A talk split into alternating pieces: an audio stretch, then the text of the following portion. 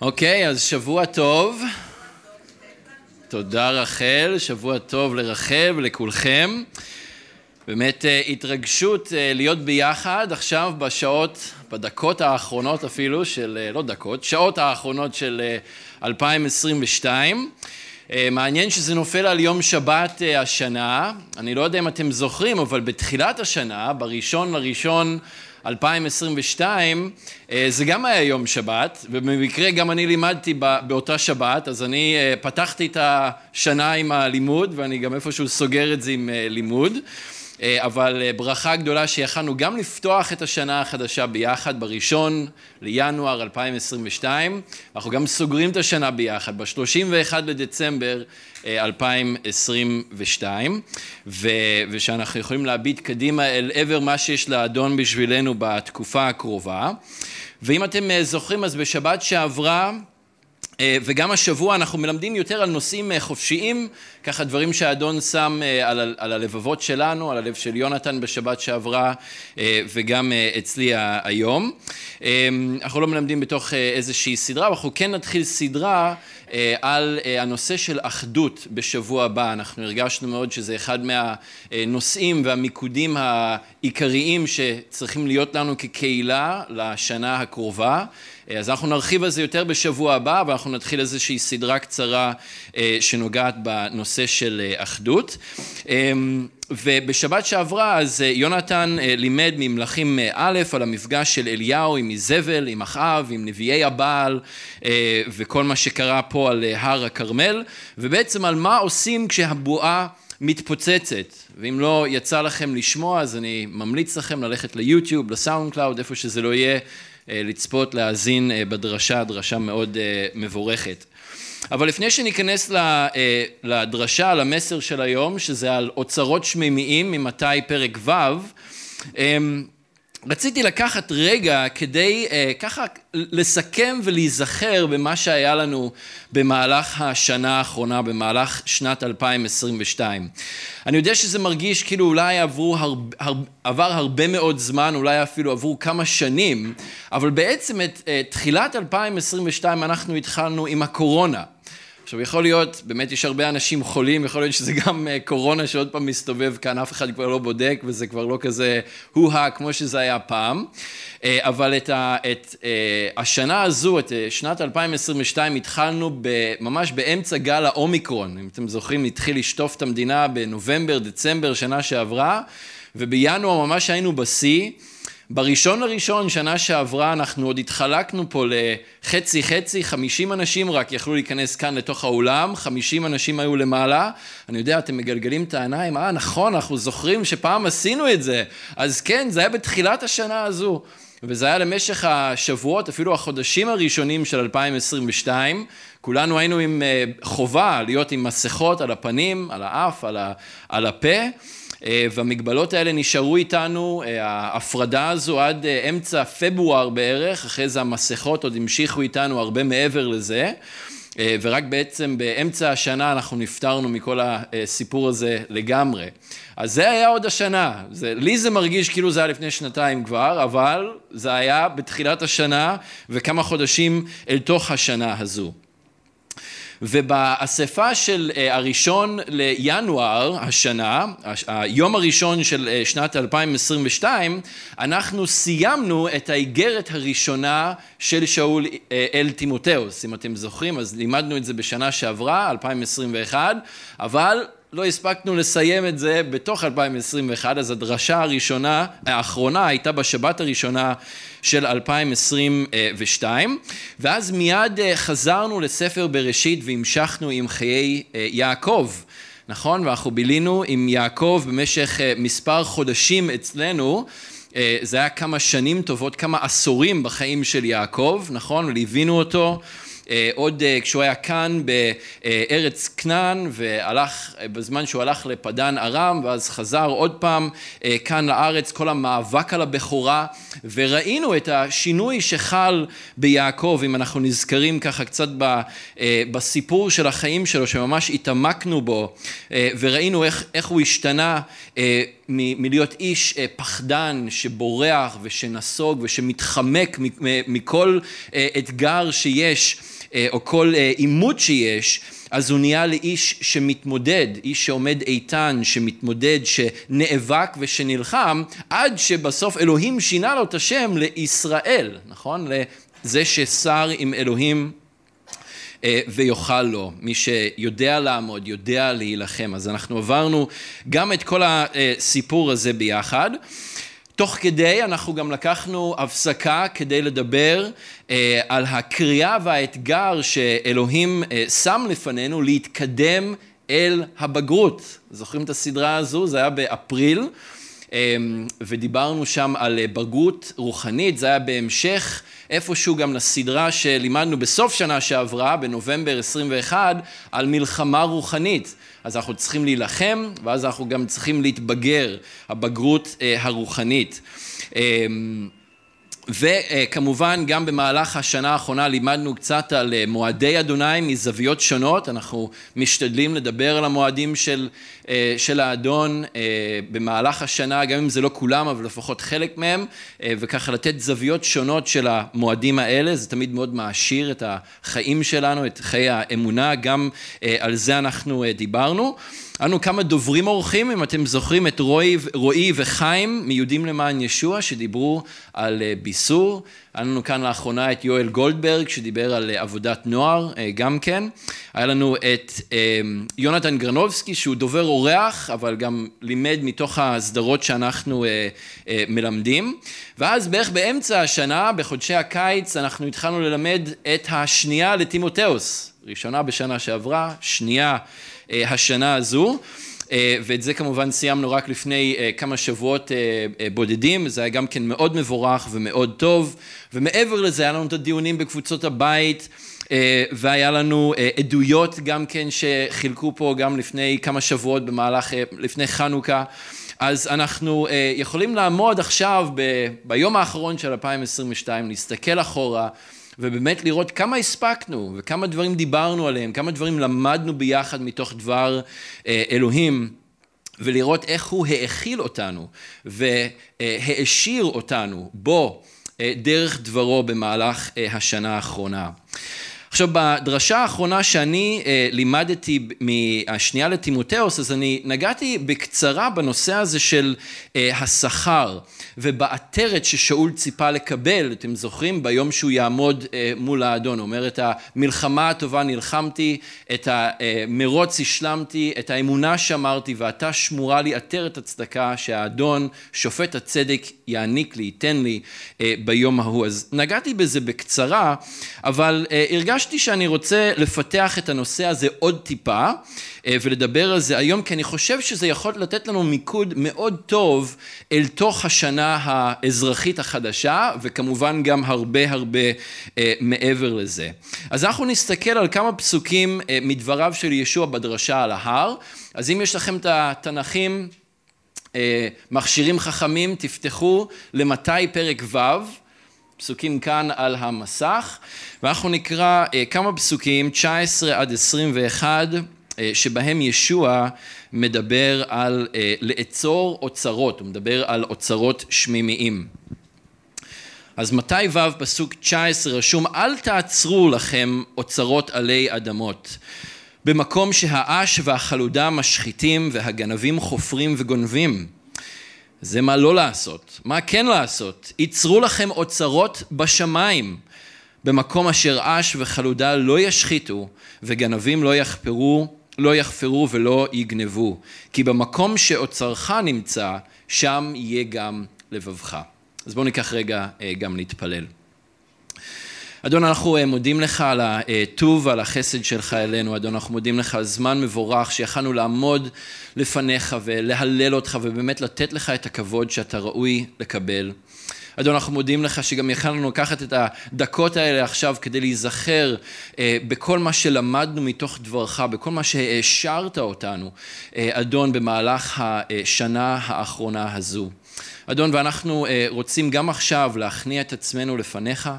אנחנו רוצים להכניע את עצמנו לפני דברך, לפני הרוח שלך, אדון, ופשוט לפתוח את הלבבות שלנו, לפתוח, אדון, את המחשבות שלנו, אדון, ולבקש שגם עכשיו אתה תמשיך לדבר אלינו מתוך דברך. אדון, אנחנו מבקשים שתעזור לנו להמשיך להלל אותך במחשבות שלנו, בהגיגי ליבנו. אדון, להיות קשובים ולהיות רגישים למה שאתה חפץ לומר לנו. אדון, אנחנו אה, מודים לך על האמת שיש בדברך, אנחנו מודים לך אה, שיש לנו חיים בך ויש לנו חיים בדברך. אנחנו מתפללים, אדון, שתעניק לנו עוד יותר מהחיים האלה, אה, גם עכשיו ברגעים האלה, בשם ישוע. אמן. אז בשווקים הפיננסיים של העולם, בבורסות של העולם, יש תופעה מעניינת שקורית בשבוע האחרון של כל שנה אזרחית, של כל שנה אה, קלנדרית כזאת, אמ, וזו תופעה שבה בעצם יש עלייה כמעט בכל השווי של כל המניות השונות, של כל החברות שנסחרות בבורסות ברחבי העולם והשווקים באופן כללי כולם עולים, השווי שלהם אה, עולה. זה קורה בגלל אה, כמה סיבות, אבל בסופו, בסופו של דבר זה יוצר איזשהו מצב של ווין ווין ווין, של ניצחון, ניצחון, ניצחון, אה, שמטיב בעצם עם אה, כולם, כולם יוצאים מזה אה, מנצחים. מי זה כולם? זה כל הגורמים המעורבים בשוק ההון. אה, וזה קודם כל הממשלה, כי הם מקבלים יותר מיסוי כתוצאה מכל העליות מחירים האלה. החברות עצמן, בגלל שהשווי שלהן אה, עולה אה, לקראת סוף השנה, וכמובן המשקיעים שהם בעצם בעלי המניות, הם, המניות האלה שייכות להם, אז השווי עולה, אז הם גם כן מרוויחים מזה. בקיצור, מה שקורה זה שהכיס של כולם גדל, של כל מי שמעורב אה, איכשהו בשוק ההון. ולמצב כזה של עלייה בשווקים קוראים ראלי, כמו אה, התכנסות או התאגדות בשביל מטרה מסוימת, ולראלי הזה שקורה בסוף אה, כל, הש... כל שנה אזרחית, קורה סביב היום של חג המולד, ה-25 בדצמבר, ואפילו לתוך הימים הראשונים של אה, ינואר, אז קוראים לראלי הזה ראלי, הראלי של סנטה קלאוס, בגלל שזה קורה סביב היום הזה של חג המולד. אז זאת המציאות של הכלכלה הארצית, זה קורה כל שנה אחרי, שנה בשנה, מדי שנה אה, אחרי שנה, וככה זה אה, פשוט קורה בכלכלה אה, כאן בארץ. רגע לפני שהספרים החשבונאיים נסגרים והדוחות נחתמים בשביל אותה שנת כספים עבור כל אותן חברות, יש התגייסות כללית כדי ששווי הנכסים של כולם יעלה, שהאוצרות של כולם יגדלו. אבל הכלכלה במלכות השמיים היא מאוד מאוד שונה, היא בכלל לא זהה לכלכלה אה, הזו, הכלכלה הארצית מהבחינה אה, הזו. במלכות השמיים אין דבר כזה רע לי בסוף החיים, איזושהי התכנסות כדי להעלות את האוצרות או כדי להעלות את השווי של משהו ממש ברגעים האחרונים. זה פשוט לא עובד ככה במלכות השמיים. האוצר שאנחנו עוצרים, עוצרים לנו הוא משהו שקורה במהלך כל החיים. זה לא משהו שיכול לקרות ברגע אחד, בשבוע האחרון לפני שאדם חותם את החיים שלו. אה, אנחנו לא יודעים מתי זה יקרה, דבר ראשון, וגם אם כן, זה לא באמת אפשרי שפתאום בשבוע האחרון מתחילים להתכנס לעבר איזה משהו אה, כזה כדי להעלות את האוצרות שיש לנו, את השווי של האוצרות שיש לנו אה, בשמיים. וזה מה שישוע אומר במתי פרק ו', שזה משהו שחייב לקרות לאורך כל החיים. אז אני רוצה לדבר קצת על האוצרות של ישוע אומר לנו שאנחנו צריכים לאצור לנו בחיים האלה. אנחנו כולנו יודעים שיש הרבה אוצרות שאפשר לאצור כאן על הארץ, נכון? כולנו מכירים אותם, דיברנו עכשיו על חלק מהם. יש נכסים פיזיים כמו נדל"ן, יש קרקעות ובתים ודירות וכל מיני דברים כאלה. יש מניות של חברות שאפשר לרכוש דרך הבורסה, שזה בעצם בעלות חלקית על, ה, על החברה. אפשר להיות בעלים על, על עסק כלשהו, כן? יכול להיות חלק מאיתנו, יש לנו עסקים, בעלים על עסקים. מתכות יקרות, אבנים יקרות, זהב, כסף, יהלומים, כל מיני אה, דברים כאלה. יש אה, בימינו אפילו גם את המטבעות הדיגיטליים, ויכול להיות שלחלקכם יש ביטקוין או כל אה, מטבע דיגיטלי אחר. אני מקווה שאין לכם ביטקוין, כי לא היה שנה טובה לביטקוין השנה, אבל יש הרבה מאוד אה, מטבעות דיגיטליים, ואלה גם נכסים שיכול להיות שיש לחלק מהאנשים פה או בעולם בכלל. כמובן שמעבר לזה יש גם את הכסף המזומן ומה שיש בתוך העו"ש, בתוך חשבונות הבנק אה, וכולי. אבל כל אלה, ישוע אומר לנו במתי פרק ו', כל אלה מתכלים כל אלה נאכלים, וכל אלה גם יכולים להיגנב, הם יכולים להילקח אה, מאיתנו. אבל אולי הדבר הכי חשוב זה שבסופו של דבר כל הדברים האלה, כל סוגי הנכסים או האוצרות הארציים האלה, אין לנו שום יכולת ושום אפשרות לקחת אותם איתנו הלאה.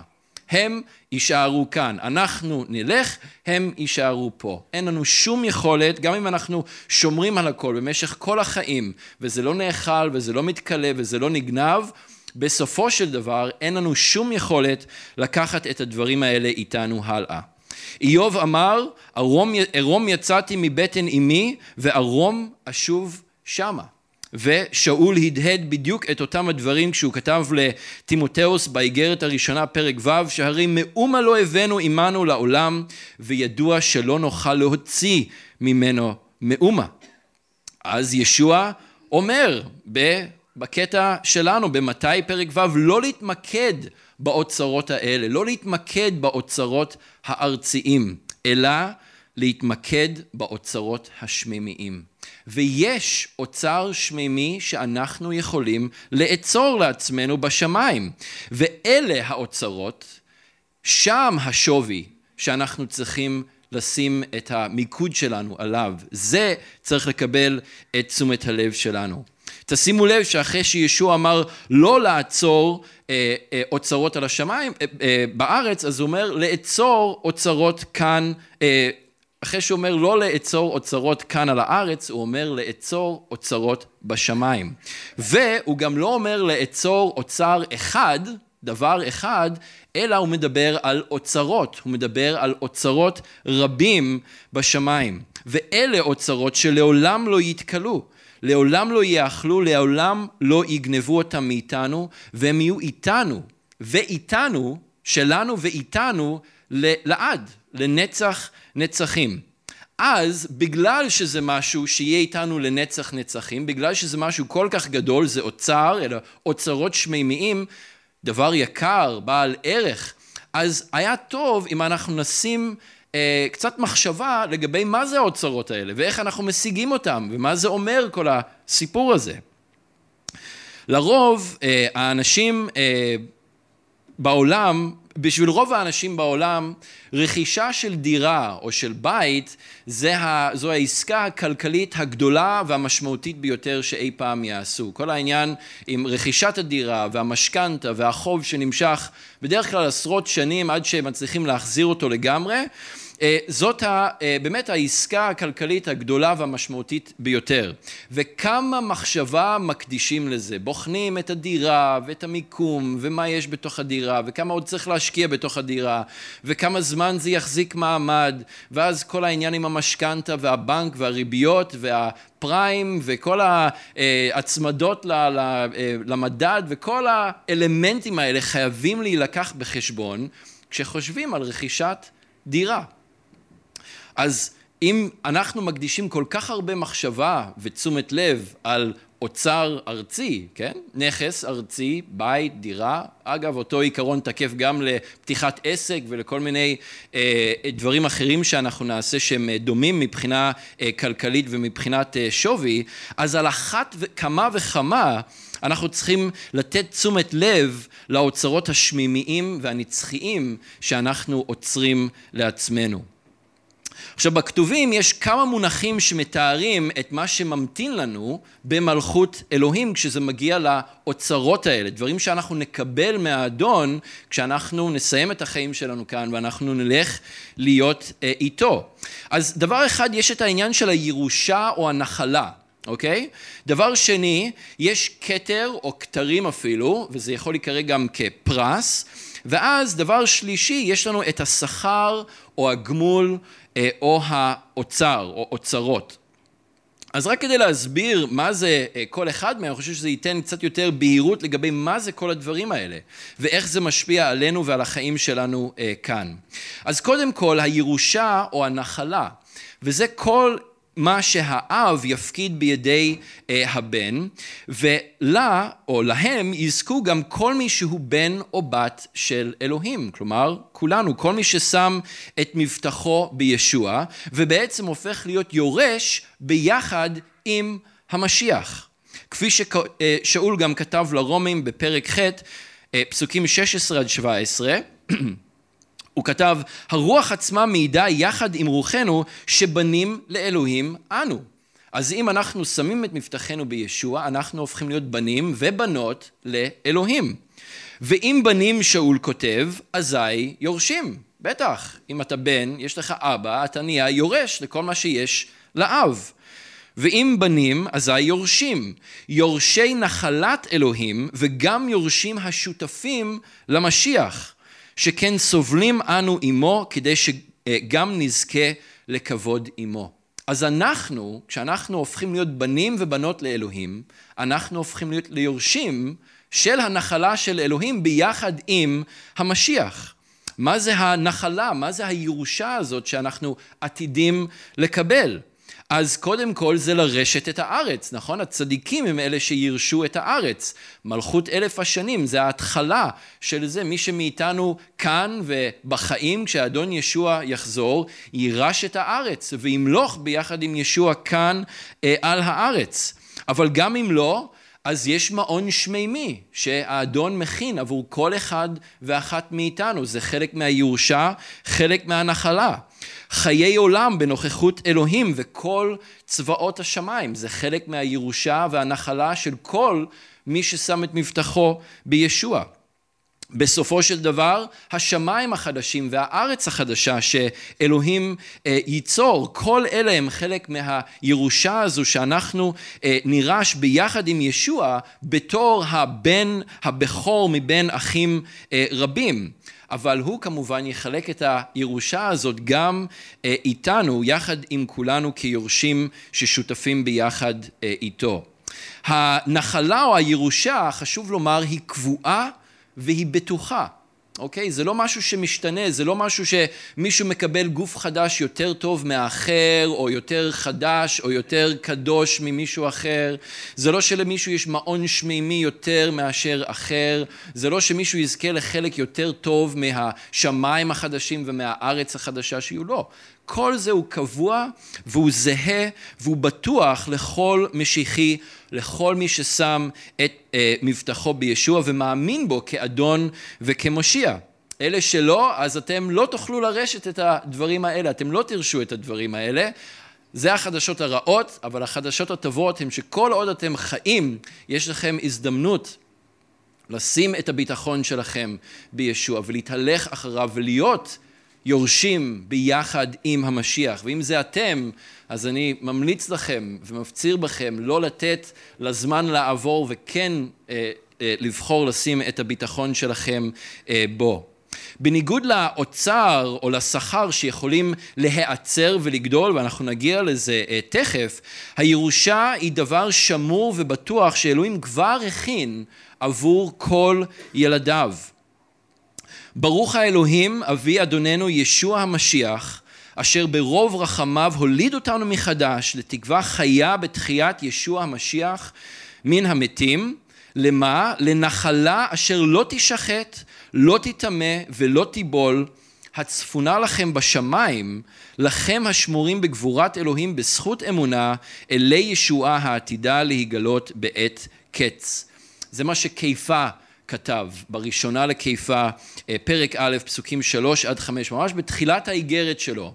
אז הוא כותב על הנחלה שכל מי ששמור בגבורת אלוהים בזכות האמונה, כל מי שעומד באדון, כל מי שעומד בישוע בזכות האמונה, אז יירש את הנחלה הזו, נחלה שלא תשחט, לא תטמא, לא תיבול, ואיפה היא נמצאת?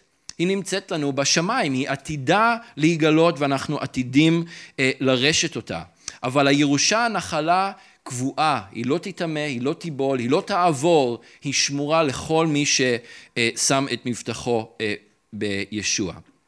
אז זאת הירושה או הנחלה, אוקיי? הדבר השני שדיברנו עליו היה הכתר או אפילו הכתרים אה, ויש כמה מקומות בברית החדשה שזה גם אה, אה, מתייחסים לזה בתור פרס. כתר, כתרים או עטרת, אוקיי? אני אתייחס לזה כעטרת. ובברית החדשה באמת הפרשנים מוצאים תיאורים של חמש עטרות שונות שיינתנו למאמינים. אז רק לזכור אותם בקצרה, יש קודם כל את עטרת השמחה. וזו עטרת שתינתן למבשרים שמובילים אחרים לאמונה בישוע. אתם יכולים ללכת אחר כך, אני אתן לכם את מראה המקום ולקרוא את כל מראה המקום. זה מגיע מהראשונה לתסלוניקים ב' פסוק 19, וזה מאוד מעניין כי שאול כאן וגם בכמה מקומות אחרים, הוא מתייחס לקהילות שונות שהוא נטע בתור העטרת שלו. ואנחנו מבינים ש, אה, ששאול כתב את זה בגלל שהוא זה שהביא את הקהילות האלה, הוא זה שנטע את הקהילות האלה דרך הביסור שהוא עשה בערים האלה, כלומר זה אדון שעשה את זה, אבל הוא עשה את זה דרך שאול, וחלק מהגמול, חלק מהפרס ששאול יקבל, זה עטרת של שמחה בגלל ה... הביסור הזה והאנשים האלה מאותם קהילות, מאותם אזורים שהוא אה, הביא לאמונה בישוע. העטרת השנייה זה עטרת הניצחון. וזו עטרת ששאול מתייחס אליה בראשונה לקורינתים פרק ט', פסוקים 25 עד 27, וישוע ייתן אותה לכל מי שמסיים את המרוץ ולא נפסל. אם אתם זוכרים, שאול אומר שם שהוא נוהג בקשיחות עם גופו, כדי שהוא לא יימצא פסול אחרי שהוא עצמו מטיף אה, לאנשים אחרים, אז הוא מדבר שם על להיפסל ועל לא להיפסל. אז כאן זה עטרת הניצחון שיינתן לכל מי שמסיים את המרוץ ולא אה, נפסל. אה, בדרך. יש את עטרת החיים, העטרת השלישית, עטרת שישוע ייתן לכל מי שסובל או נרדף בגלל האמונה, במיוחד אלו שיעברו אה, רדיפה או סבל עד לכדי מוות. ויישארו נאמנים. ואת זה אנחנו קוראים ביעקב, פרק א', פסוק 12, וגם בהתגלות פרק ב', פסוק 10. יש את עטרת הצדקה, שעליה דיברנו לפני כמה שבועות, אה, ששאול מתייחס אליה אה, בסוף האיגרת השנייה לטימותאוס, אה, פרק ד' פסוק שמונה, וזו העטרת שישוע ייתן לכל מי שנותן מעצמו, אתם זוכרים ששאול אומר אני עצמי מוסך כנסך ועת פטירתי הגיע, אז כל מי שנותן מעצמו וכל מי שנלחם עד הסוף כל מי שנלחם את המלחמה, מסיים את המרוץ, כל מי ששומר את האמונה, יקבל את עטרת הצדקה מהאדון. והעטרת החמישית, עטרת הכבוד, וזו עטרת שישוע ייתן לזקני ורועי אה, קהילות שהנהיגו וראו בנאמנות את עדר אלוהים, כלומר את הקהילה, את הקהילות השונות, אה, במהלך החיים שלהם אה, בארץ, ועשו את זה בנאמנות, וזו גם תהיה עטרת של כבוד שלא תיבול. וזה מגיע מהראשונה לקיפה, פרק ה' פסוקים 1 עד 4. אז יש ירושה שהיא קבועה, כמו שאמרנו, והיא שמורה לכל מאמין בישוע. יש כתרים שיינתנו לנו המאמינים, ויכול מאוד להיות, ואני מאמין שזה ככה, שחלקנו, אפילו הרבה מאיתנו, נזכה לכמה כתרים, כי כמה מהקטגוריות האלה אנחנו אה, עונים עליהם, מבשרים, סובלים, מסיימים את המרוץ, יכול להיות שנקבל את כל העטרות האלה אה, ביחד. אה, אז יש ירושה, יש נחלה ויש אה, כתר או אפילו כמה כתרים או עטרות. ואז בנוסף לזה אה, מצטרף גם האוצר, השכר והגמול, שהם למעשה כולם מתארים משהו זהה, וזה שכר שהאדון ייתן לנו, שאנחנו נזכה בה, מעבר לנחלה או לירושה שאנחנו נירש ומעבר לכתרים שאנחנו נקבל. עכשיו השכר, חשוב לומר, הוא לא קבוע. הוא הולך וגדל והוא לא, הולך ומצטבר אה, ככל שאנחנו אה, חיים את החיים האלה והוא קשור ישירות למעשים הטובים שהאדון קרא אותנו לעשות אותם ושהוא הכין לנו אה, מקדם כל עוד אנחנו חיים כאן על הארץ. אלה האוצרות שישוע מפציר בשומעים שלו אז, כן, במתי פרק ו', וגם אלינו היום, לאצור בשמיים. השכר הזה, הגמול הזה, שזה יהיה מה שאנחנו עוצרים, שזה מה שאנחנו אה, אה, אוגרים לעצמנו בקטע טוב בשמיים. ולמעשה זה מעניין כי יש סוג של תהליך המרה שאפשר לעשות, אה, שבו אנחנו יכולים לנצל את המשאבים שלנו כאן, בחיים האלה, את המתנות והכישרונות שלו אם הפקיד בידיים שלנו, את הזמן שיש לנו, את הנכסים והמשאבים הכספיים שיש בידיים שלנו, אנחנו יכולים לנצל את כל הדברים האלה שאנחנו לא יכולים לקחת איתנו הלאה, אבל אנחנו יכולים לנצל אותם היום כדי לאצור לעצמנו אוצרות בשמיים. בראשונה לטימותאוס פרק ו', אה, פסוקים 17 עד 19, ממש. אה, בסוף האיגרת, אני חושב, האמת היא שאלה היו הפסוקים שדיברנו עליהם ממש בתחילת השנה גם, אז מעניין. אה, אה, שאול כותב לטימותאוס ואומר לו, את עשירי העולם הזה צווה שלא ירום, ירום לבבם ולא יבטחו באושר שאין בו ביטחון, אלא באלוהים המעניק לנו את הכל בשפע להנאתנו. אמור להם לעשות את הטוב, להעשיר במעשים טובים, להיות נכונים לתת ולהיות נדיבים, לאצור לעצמם אוצר טוב לעתיד, כדי שישיגו את החיים האמיתיים. אז מה, ישוע, מה שאול בעצם אומר לטימותאוס? הוא אומר לו, תגיד לעשירים, אלה שיש להם כל כך הרבה נכסים ועושר בעולם הזה, שינהגו עם הנכסים שיש להם בצורה טובה, כי יש דרך לקחת את כל הדברים האלה שיש להם כאן, כל האוצרות הארציים שיש להם, ולהמיר אותם במובן מסוים לאוצרות שמימיים, שכן יהיו איתם לעד, שכן יהיו איתם לתמיד. וכמו שאמרתי, אוקיי, אז עשירי העולם יש להם נכסים כספיים רבים, אבל לכולנו יש זמן וכישרונות ויכולות וכל מה שהאדון הפקיד בידיים שלנו כאן, זה דברים שאנחנו יכולים לנצל אותם ולממש אותם כדי לאצור לעצמנו אוצרות אה, שמימיים. ממש בסוף הכתובים, בספר התגלות, אה, פרק כ"ב, כשמתוארת החזרה של אה, ישוע, פסוקים 12 עד 13, ישוע בעצמו מכריז, הנני בא מהר ואת, אה, ואיתי השכר לשלם לכל איש כמעשהו. אני האלף, אף אני התו, הראשון, אף האחרון, הראשית והתכלית. אז ישוע חוזר, אמן?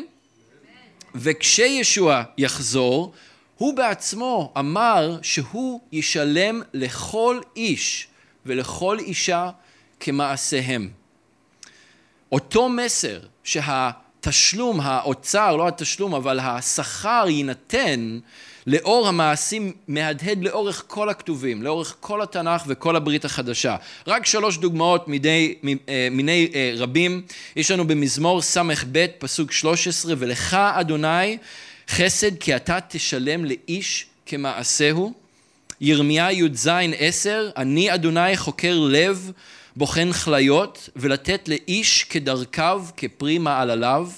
אז אלוהים אומר כאן, אני נותן לכל אחד כפי המעשים שלו, רק, לא רק לפי המעשים עצמם, אלא גם לפי המניעים של המעשים, כן? על אלוהים אי אפשר לעבוד. גם לפי המצב של הלב, למה אנחנו עושים את המעשים האלה? כי אלוהים הוא בוחן לב וכליות לתת לכל איש כדרכו, כפרי מעלליו.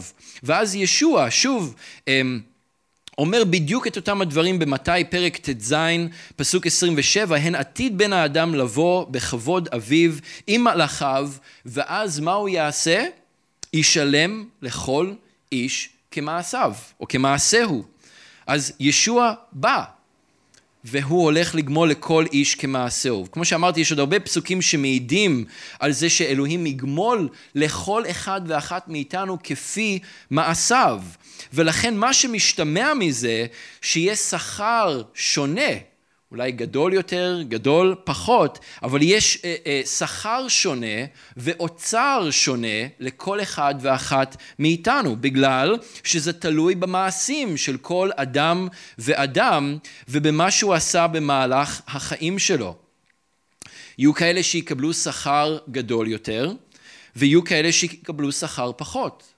יהיו כאלה שיקבלו אוצר גדול יותר, שעצרו לעצמם אוצר גדול יותר, ויהיו כאלה שעצרו לעצמם אוצר קטן יותר. וזה קשור ישירות למעשים שלנו, זה קשור ישירות לאיך אנחנו חיים את החיים האלה למען האדון. אני חושב שזה מומחש בצורה אה, די טובה במשל של עשר המנים בלוקאס פרק י"ט, אה, פסוקים 28 עד 44, אנחנו לא נקריא את כל המשל, אתם יכולים לקרוא את זה אחר כך, אבל יש שם תיאור של הגמול שהאדון ייתן לעבדיו, גמול שישוע ייתן לנו, כן? במשל הזה יש שלושה עבדים, רק כדי לסכם את זה בקצרה, במשל הזה יש שלושה עבדים וכולם קיבלו עשר מנים, הם קיבלו מנה או, או כמות שווה של מנים, אף אחד לא קיבל יותר או פחות מהאחר, כולם קיבלו עשר מנים והאדון אמר לכל אחד מהם לקחת את עשרת המנים האלה ולסחור בהם עד שובו, עד שהוא חוזר. אז האדון הולך וכשהוא חוזר הוא בא והוא דורש דין וחשבון מכל אחד משלושת הסוחרים האלה, מה אתה עשית עם עשרת המנים שאני הפקדתי בידיים שלך. יש שם, אני רק אגיד גם את הרשעים, אבל אנחנו לא, אני לא מתייחס אליהם כרגע, יש שם עוד אלמנטים חוץ מהאלמנט הזה, אבל רק להתמקד בעניין הזה של השכר שניתן אה, דרך המשל הזה של עשר המנים. אז העבד הראשון הוא בעזרת עשר המנים שהוא קיבל, אתם זוכרים כמה הוא הרוויח? הוא הרוויח עוד עשר מנים, הוא בעצם הכפיל את מה שניתן לו. וכגמול, מה האדון נתן לו? הוא נתן לו שליטה על עשר ערים. זה היה הגמול, השכר שאותו עבד קיבל בגלל מה שהוא עשה. העבד השני קיבל עשר מנים, אבל כמה הוא החזיר? עוד חמש, בדיוק. אז הוא עשה חמישים אחוז, גם לא רע, זה טוב. חמש מנים הוא החזיר, אז הוא החזיר חמש עשרה בסך הכל. ומה היה הגמול או השכר שהוא קיבל? שליטה על חמש ערים. ואז היה את העבד השלישי, והעבד השלישי קיבל על הראש, בגלל שהאדון בא ודרש ממנו דין וחשבון והוא אמר את מה שהוא אמר, אבל בסופו של דבר היה לו רק את עשרת המנים שהוא קיבל מלכתחילה להחזיר לאדון. הוא לא עשה שום דבר עם מה שהופקד בידיים שלו. והאדון גער בו ואמר לו, היית לפחות מפקיד את זה בבנק ומקבל עשירית האחוז של הריבית ומחזיר לי עשר ועוד עשר אגורות, לפחות היה משהו. אבל גם את זה אתה לא עשית. עבד רשע, הוא קורא לו, ואומר לו, גם את מה שיש לך, יילקח ממך ויינתן אה, לאנשים אחרים. אז במשל הזה אנחנו רואים שכל עבד קיבל גמול, שכר שונה, או שני העבדים הראשונים במיוחד, הם קיבלו שכר שונה בהתבסס על הרווח שהם הרוויחו בעזרת עשר המנים שהם קיבלו. וככה גם אנחנו המאמינים נקבל שכר שונה על בסיס מה שאנחנו עשינו בחיים שלנו עם מה שאלוהים הפקיד בידיים שלנו. בזמן שהוא נעדר מכאן, בזמן היעדרותו, אבל הוא יבוא, או אנחנו נלך אליו, והוא ידרוש מאיתנו דין וחשבון על זה. ולפי כמידת הפועל שלנו למענו, כך תהיה מידת השכר שהוא ייתן לנו. כך תהיה האוצר השמימי שאנחנו נאגור לנו. תשימו לב במתי פרק ו' אה, פסוק 20 בקטע שלנו כשישוע אומר ייצרו לכם אוצרות בשמיים זה נאמר כציווי ובלשון הווה מתמשך זאת פעולה שאנחנו אמורים לעשות בכל עת באופן אקטיבי ומודע ונחוש כל עוד אנחנו נמצאים בחיים האלה, על הארץ הזו, לאצור לעצמנו את האוצרות אה, האלה. בגלל שהאוצרות שאנחנו עוצרים הם המעשים הטובים אשר אלוהים הכינם מקדם למען נחיה בהם, כפי שכתוב באפסים אה, ב' עשר. אז אנחנו צריכים לחיות בהם במשך כל החיים שלנו, כל עוד אנחנו הולכים אה, אחרי האדון. עכשיו, יכול להיות שהמחשבה שאנשים שונים יקבלו שכר שונה מפתיע אתכם. יכול להיות גם שאתם לא מסכימים איתי וזה בסדר, אמ, אבל יכול להיות שזה מפתיע אתכם, יכול להיות שזה מחדש לכם משהו, יכול להיות שאתם, אה, שזה מכעיס אתכם אולי, או שזה מעלה אצלכם סימני שאלה, יכול להיות שפתאום זה מעלה אצלכם איזושהי תחושה של תחרותיות או של קנאה, פתאום אתם מסתכלים ימינה ושמאלה ואומרים, אה, אז, אז מעניין מה, מה, איזה שכר הוא יקבל ואיזה, מעניין איזה שכר היא תקבל ואיפה אני נמצא בתוך כל הסיפור הזה. אז אני חושב קודם כל שזה טוב שזה מעלה את המחשבות האלה, זאת המטרה, אה, כדי שנעצור ונחשוב רגע ונסתכל על מה שיש לדבר אלוהים לומר בנוגע לדברים האלה. אה, אז אני רוצה להעיר כמה הערות בנוגע אה, לזה, ואני מקווה שזה יעזור לדברים להתכנס אה, ביחד. קודם כל, ואולי הדבר הכי חשוב, זה לא לבלבל את המעשים הטובים שאנחנו נקראנו להתהלך בהם, שהם בסופו של דבר יתורגמו לשכר שאנחנו נקבל, לאוצרות שאנחנו עוצרים בשמיים, לא לבלבל את זה עם אה, לגליסטיות או איזושהי מחשבה שהמעשים הטובים קשורים איכשהו לישועה שלנו. אין קשר בין השניים. הישועה שלנו היא בזכות אמונה בישוע ואמונה בישוע בלבד. ואין שום מעשה, חוץ ממעשה האמונה, וזה שאנחנו שמים את הביטחון שלנו בישוע, אין שום מעשה שיכול להבטיח לנו ישועה. שום דבר, זאת מתנת חסד מאלוהים אה, כלפינו. אה, וכמו שאמרתי, כל מאמין יקבל נחלה ויקבל לפחות כתר אחד, אני מאמין, אם לא כמה כתרים. אז הנחלה היא קבועה לכל מאמין, זה כבר אמרנו. והכתרים כנראה שכולנו נקבל אפילו כמה כתרים. הדברים האלה מובטחים אה, לנו בכל מקרה. ו... זאת אומרת, לנו, למי שמאמין בישוע ונשאר נאמן לאדון במשך אה, חייו. הדבר השני זה כשאנחנו נהיה בנוכחות האדון, אז תהיה בנוכחות הזו של האדון אחווה מושלמת ומופלאה. לא תהיה קנאה, לא אה, יהיה מריבה או עצב או איזושהי צרות עין כזאת או אחרת על זה שמישהו אחד קיבל שכר שונה ממישהו אחר גדול יותר או קטן יותר, לא יהיה את הדברים האלה. שוב, כי כל המאמינים יקבלו נחלה אה, וירושה, ואז כשאנחנו נהיה בנוכחות של אלוהים, בתוך האחווה המופלאה הזו, יתקיימו גם הדברים, אני מאמין ששאול כתב לקורינטים, ואם יכובד איבר אחד, כל האיברים ישמחו ביחד איתו. כלומר, לא תהיה בכלל את המחשבה הזו של, אה, הוא קיבל שכר יותר ממני, איזה באסה בשבילי, כמה אני מקנא בו. הדבר הזה פשוט לא יתקיים. אם יכובד איבר אחד, וואו, הוא קיבל שכר גדול, איזה יופי, אני שמח שהוא קיבל שכר גדול. אה. זה טוב מאוד אה, בשבילו. וככה בעצם כולנו נהיה יותר שמחים, כי כולנו נשמח אחד בשביל השני ואחד עם השני בתוך האחווה המושלמת והמופלאה הזו.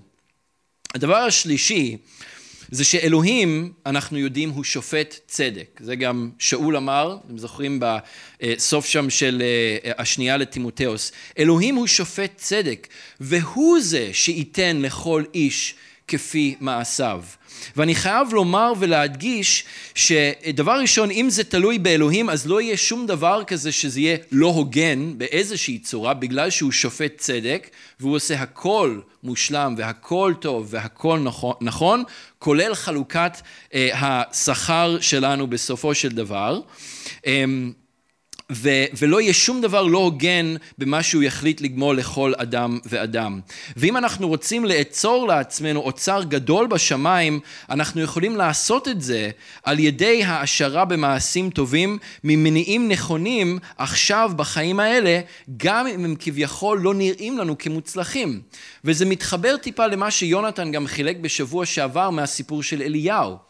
אתם זוכרים אחרי כל הסיפור הזה של אליהו כאן על הר הכרמל עם נביאי הבעל, על פניו כל הסיפור הזה לא הצליח במיוחד בעיני אליהו ובאופן כללי. כלומר, אחאב ואיזבל לא חזרו בתשובה, עבודת האלילים המשיכה כאן בארץ, לא היה פה איזה מהפך מאוד אה, רציני או משמעותי שאליהו יכל להגיד וואו אז, אז עשיתי את כל המעשים האלה שאלוהים קרא לי לעשות צייתתי למה שהוא אמר לי והנה זה הניב איזשהו פרי מדהים ו, ו, וגדול. לא. וככה זה יכול להיראות הרבה פעמים בחיים שלנו. אולי אתם מתפללים כל החיים בשביל מישהו והוא אה, שיגיע לאמונה, אבל בסוף הוא לא מגיע לאמונה, לפחות מה שאתם אה, יודעים.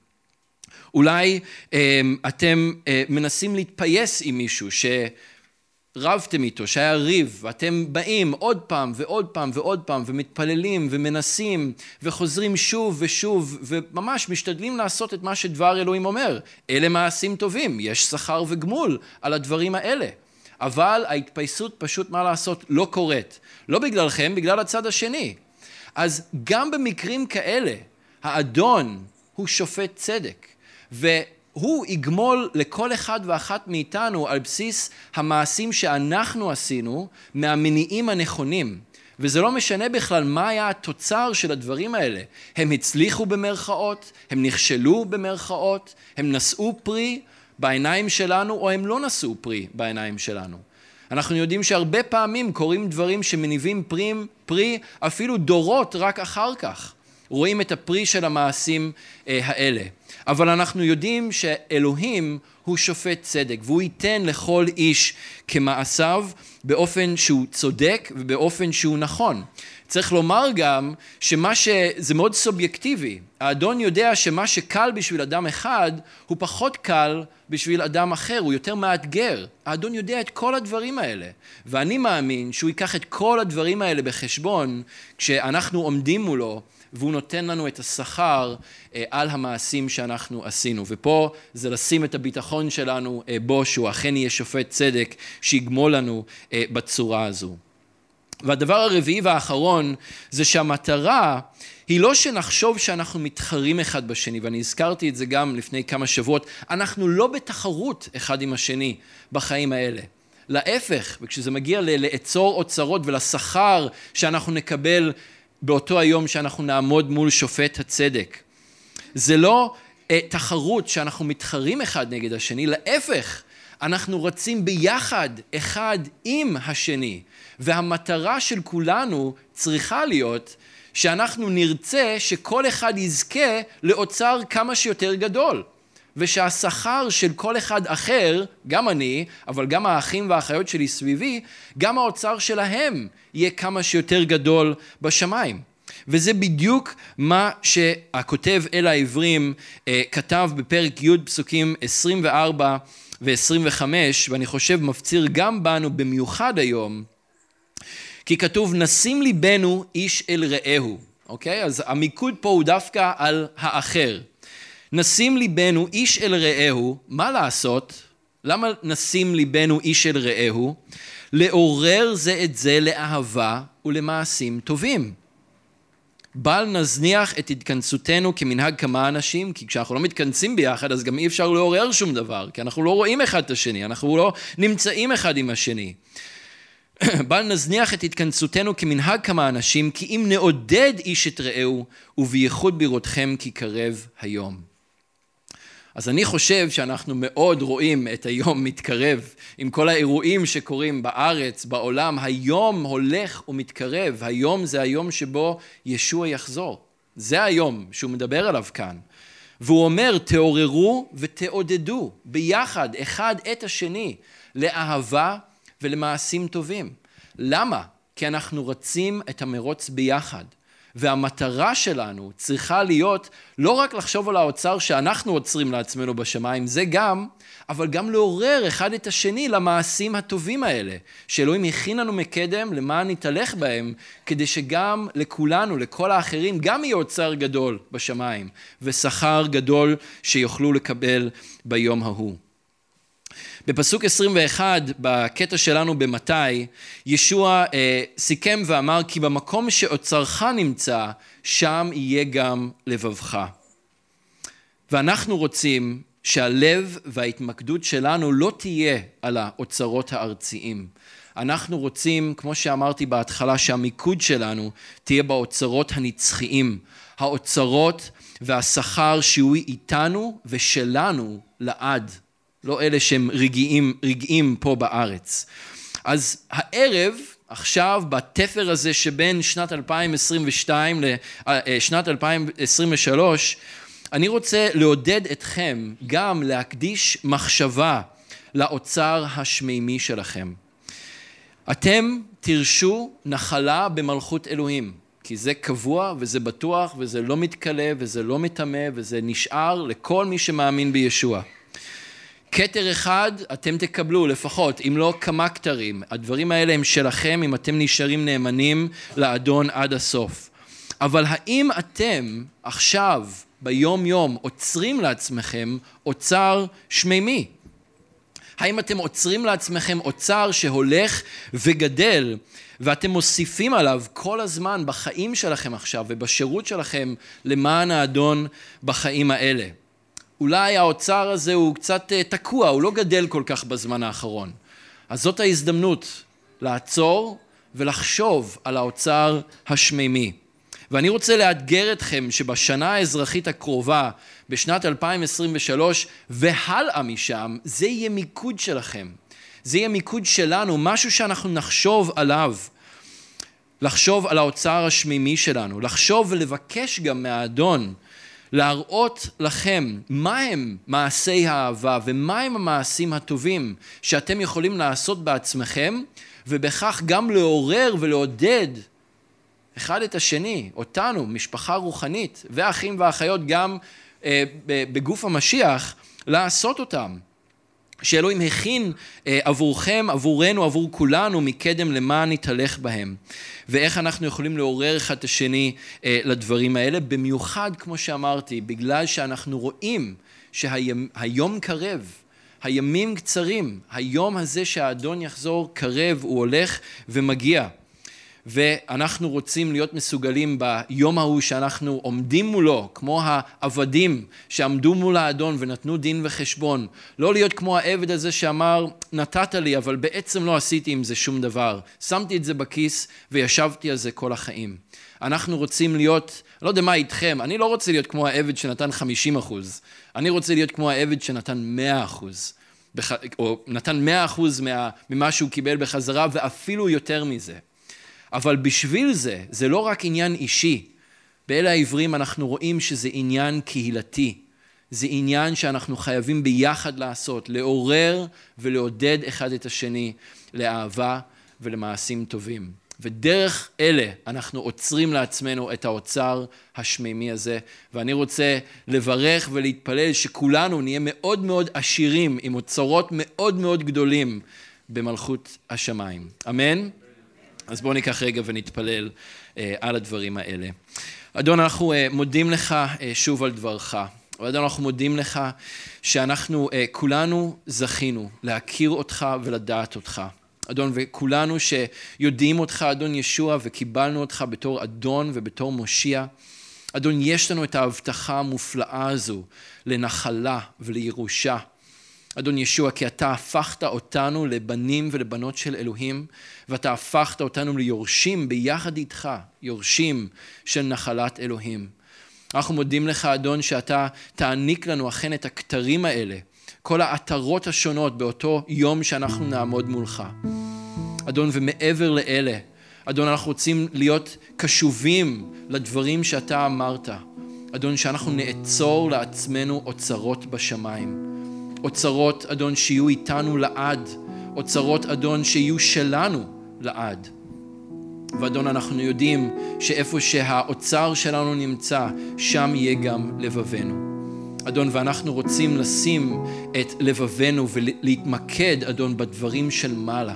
אנחנו, אדון, רוצים להגות על הדברים של מעלה.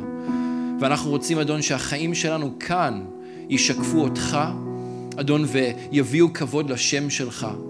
אדון, ואנחנו יודעים ואנחנו מודים לך שכשאנחנו מצייתים לך והולכים אחריך בנאמנות, כל אחד ואחת מאיתנו עם הדרך והמקום ששמת אותנו והדרך שאתה קורא אותנו אליה. אדון, שאתה אה, אה, מוביל אותנו ומאפשר לנו לעצור את, ה, לעצור את האוצרות האלה בשמיים. אדון, תעזור לנו לא רק לחשוב על החיים שלנו, אלא אדון, גם אחד על השני. אנחנו מבקשים, אדון, שתעזור לכולנו, אדון, להיות כאלה שמעוררים ומעודדים אחד את השני לאהבה ולמעשים טובים. אדון, אנחנו קהילת כרם אל רוצים להיות קהילה שמעוררת ומעודדת אחד את השני למעשים טובים. אדון, גם שאנחנו נקבל את האוצר הזה, את האוצרות האלה שאתה מבטיח לנו, וגם, אדון, כדי שאנחנו נוכל להיות האור והמלח, אדון, שקראת לנו להיות כאן, בעולם הזה ובחיים האלה. אז אנחנו מודים לך ואנחנו מבקשים, אדון, שתהיה איתנו בשנה האזרחית החדשה הזו, ב-2023, שאנחנו נוכל לחיות את הדברים האלה, אדון, ולדעת שאתה איתנו בכל רגע ורגע. אנחנו מברכים אותך ביחד בשם ישוע. אמן.